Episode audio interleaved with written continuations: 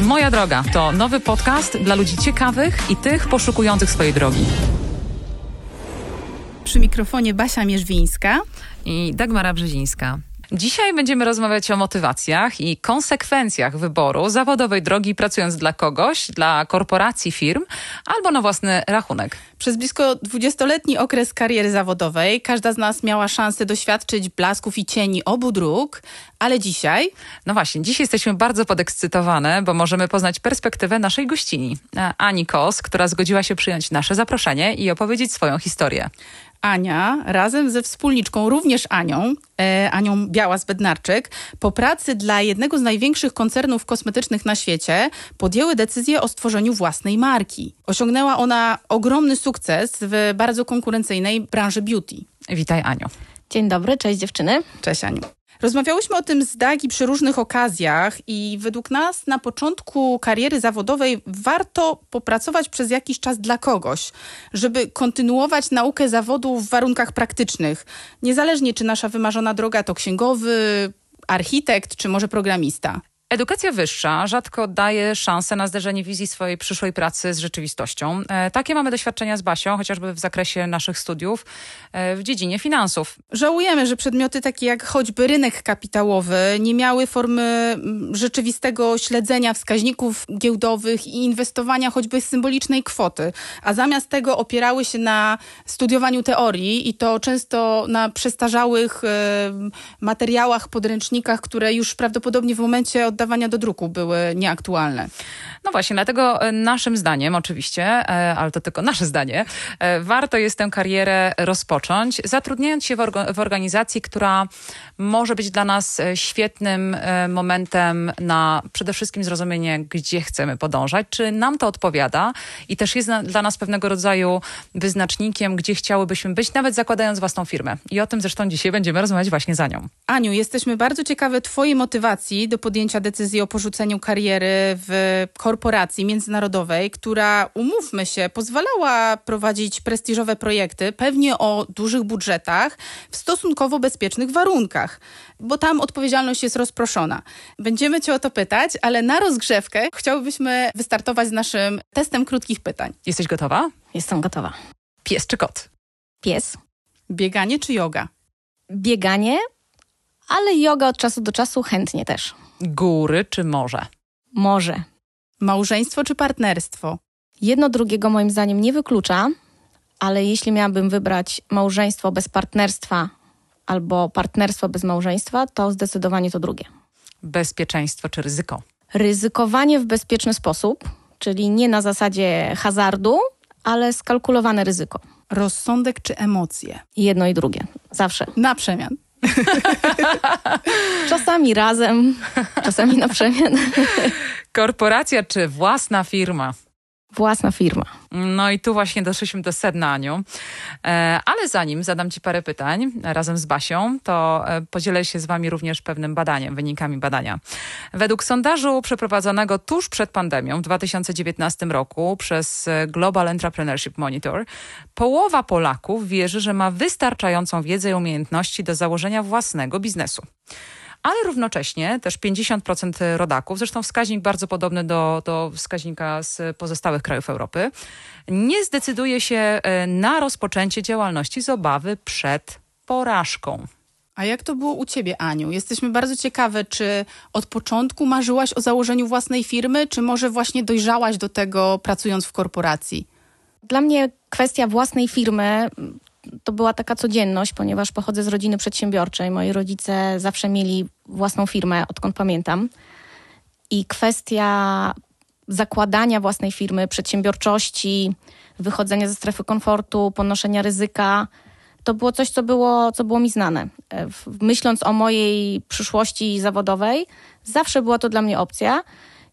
Już wcześniej, nawet będąc na studiach, próbowałam różnych form przedsiębiorczości zakładałam, zamykałam różne firmy, więc gdzieś tam to, to zawsze było u mnie jakaś, jakaś opcja. Natomiast y, uważam, że fajnie jest, tak jak powiedziałyście, dla własnego rozwoju, dla poznawania też czego, tego, co się chce, czego się nie chce w życiu robić, jakby co nam pasuje, próbować, eksperymentować, jakby tutaj iść zatrudnić się u kogoś, próbować e, swoje, swojej rzeczy, można to robić w dowolnej kolejności.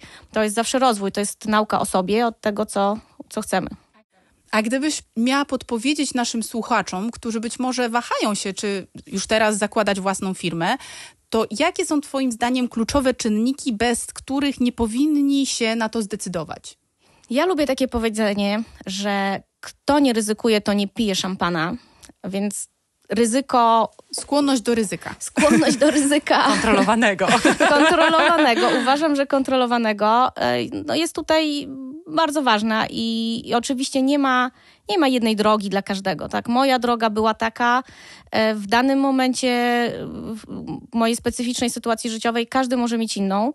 Natomiast to, co wydaje mi się minimalizuje ryzyko niepowodzenia albo zwiększa prawdopodobieństwo sukcesu, e, to jest kilka takich e, elementów. Tak? Po pierwsze, to jest czas.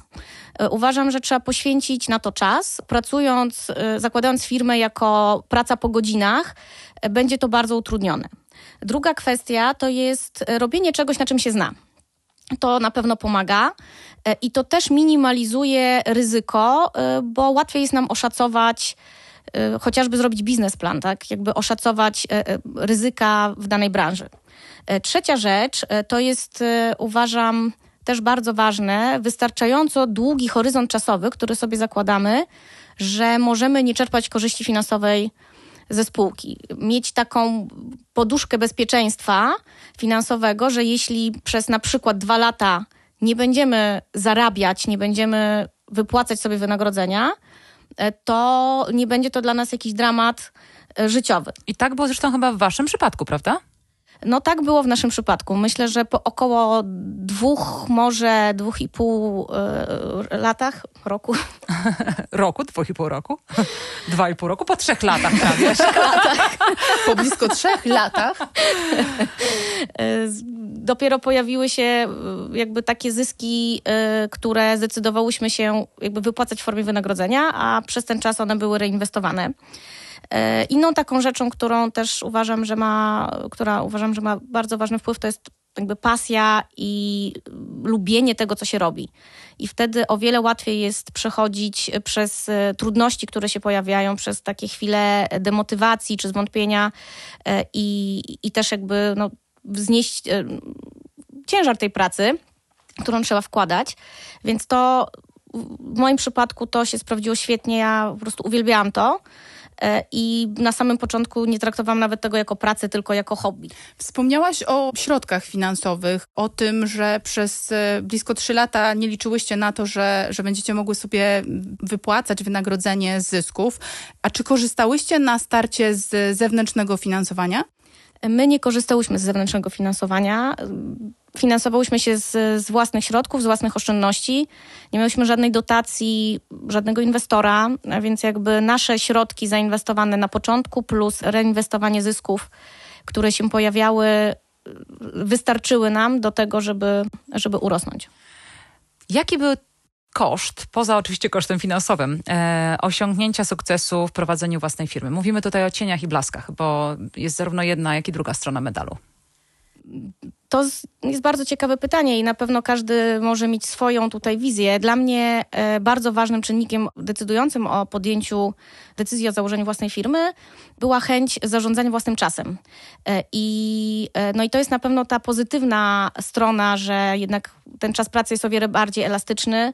Możemy sobie tą pracę rozłożyć w godzinach, w jakie nam pasują. Natomiast no to, to też ma to jest druga strona medalu, tak? To jest też praca w bardzo nienormowanych godzinach. Bardzo często wieczorami, niejednokrotnie w weekendy. Trudno jest stworzyć taki harmonogram e, od 9 do 17 e, i to jest taki czynnik e, no, stresujący, tak? To, to jednak nie da się tego wyłączyć zamykając komputer. I na to nakłada się też zdecydowanie większe poczucie odpowiedzialności niż w pracy na etacie za, za zespół, za wynik, za klientów, tak, za produkt, y, za to, żeby, żeby właśnie ci klienci byli zadowoleni, żeby dostali to, czego oczekują. E, I to jest taka faktycznie ciąg, ciągłe uczucie, e, poczucie odpowiedzialności, e, które mm, no, również jest takim na jakimś etapie już stresogennym czynnikiem. A blaski? Blaski to jest dla mnie wielka frajda z tego, co się robi i ta przedsiębiorczość, ta, ten duch taki kreatywności, takiego działania, tworzenia, tego, tej decyzyjności też, takiej, takiego poczucia, że jeśli w coś wierzę, robię to i to wychodzi, e, to jest po prostu no, wspaniałe uczucie. E, I, i, i to też był taki powód, dla którego no, chciałam zaryzykować własną firmą. E, mnie bardzo ciekawi, jaka jest, Aniu, twoja dalsza droga, bo pracowałaś w korporacji, osiągnęłaś ogromny sukces prowadząc swoją własną firmę, ale ją sprzedałaś. Więc... A czy możemy powiedzieć nazwę tej, tej firmy, czy nie, tej marki? Dawaj. Myślę, że tak. Mówimy tutaj oczywiście o marce kosmetycznej Mia, e, która... Myślę, że wielu słuchaczy ją kojarzy, spółek drogeryjnych, także tutaj... I też makijażystów, to dodajmy, bo, bo zbiła się. się przebojem jako jedna z e, ciekawszych marek, e, korzysta, z której korzystają również profesjonalni makijażyści podczas sesji zdjęciowych. Także e, jeszcze raz, Aniu, wielkie gratulacje, ale wracając do pytania, Basiu, bo przerwałam. E, tak, pytanie jest takie, co dalej? Czyli zaliczyłaś już, odtikowałaś karierę w korporacji, sukces w prowadzeniu własnej firmy, zbudowaniu od zera marki. E, jaki teraz masz pomysł na siebie? Bo może niektórzy będą chcieli przeskoczyć od razu do tego etapu. Ja się teraz koncentruję na cieszeniu się życiem, na zbieraniu nowych doświadczeń, Zrobiłam kurs żeglarski. Zapisałam wow. się na studia z historii sztuki. Wow, to ja zdecydowanie od razu do tego etapu. Ja też. No, ale więcej szczegółów to możemy prywatnie na kawce. Chętnie okay. zapraszam. Dobra, to jesteśmy umówione na kawę. I tak żałujemy, że nasza formuła naszego podcastu to, to krótkie 20 minut, bo mamy oczywiście jeszcze tysiąc pytań do Ani, ale mam nadzieję, że jeszcze w przyszłości będziemy miały okazję wrócić do tej rozmowy i poruszyć pewne aspekty wybierania drogi życiowej. Podsumujmy dla słuchaczy właśnie takie spostrzeżenia i rady od Ani, która zastrzega, że była to konkretnie jej droga. Myślę, że tutaj się zgadzamy, że ten etap pierwszy, czyli rozpoczęcie kariery zawodowej w korporacji, bardzo dużo daje. Uczymy się od lepszych, doświadczonych, szczególnie w dziedzinie, w której chcemy się rozwijać. To po pierwsze. Drugie to ten e, fundusz, czyli oszczędności. E, nauczmy się oszczędzać e, od samego początku. I będziemy o tym mówić jeszcze w dedykowanym podcaście na temat inwestowania.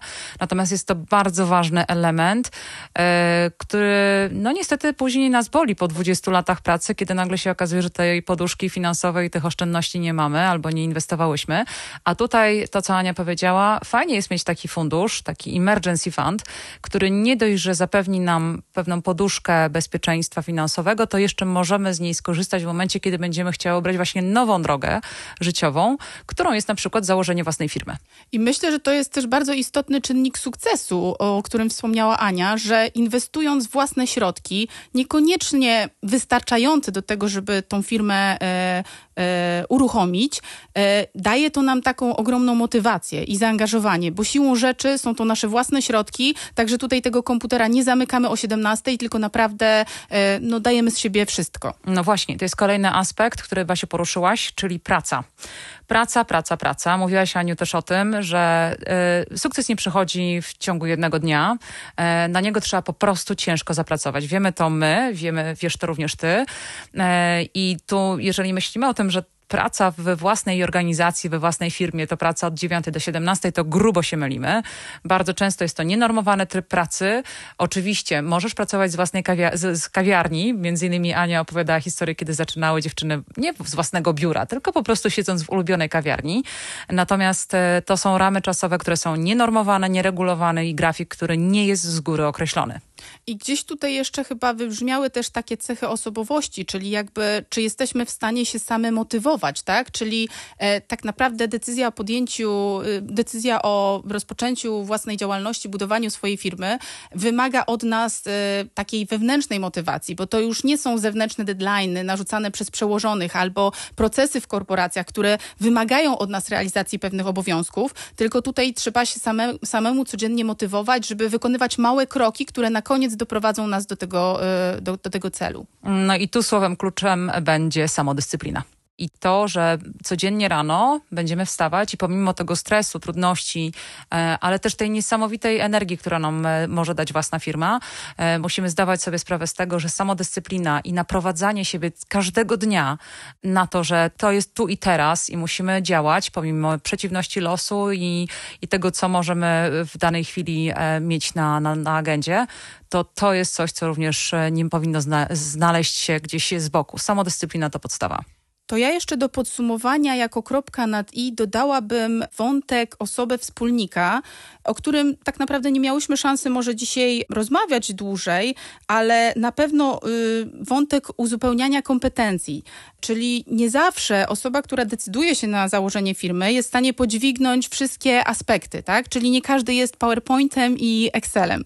Są osoby kreatywne, które mają pomysły, potrafią wyznaczać cele i przekonywać innych do ich realizacji, e, a są osoby, które potrafią po prostu liczyć. I tutaj obie kompetencje są, myślę, niezbędne w prowadzeniu i w sukcesie prowadzeniu własnej firmy. Na tym nasze wskazówki i refleksje na temat wyboru drogi zawodowej na dzisiaj się kończą. I w następnych odcinkach będziemy gościć kolejne osoby, które podjęły odważne decyzje, aby zrealizować swoje cele i żyć w zgodzie ze sobą. Dziękujemy serdecznie Ani za dzisiejszą rozmowę i trzymamy kciuki za jej kolejne projekty.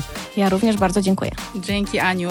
Dziękujemy również za wysłuchanie tego odcinka i jesteśmy ciekawe, czy ktoś, e, podobnie jak Ania, zdecydował się na utworzenie własnej firmy, e, być może sprzedał ją w młodym wieku i teraz ma jakiś nowy pomysł na siebie. Także z chęcią przeczytamy Wasze komentarze i poznamy Wasze opinie, jakie kolejne wątki powinnyśmy poruszać w następnych odcinkach. Żegnamy się z Wami i do usłyszenia w kolejnym odcinku podcastu Moja Droga. Do usłyszenia. Do usłyszenia. Dzięki.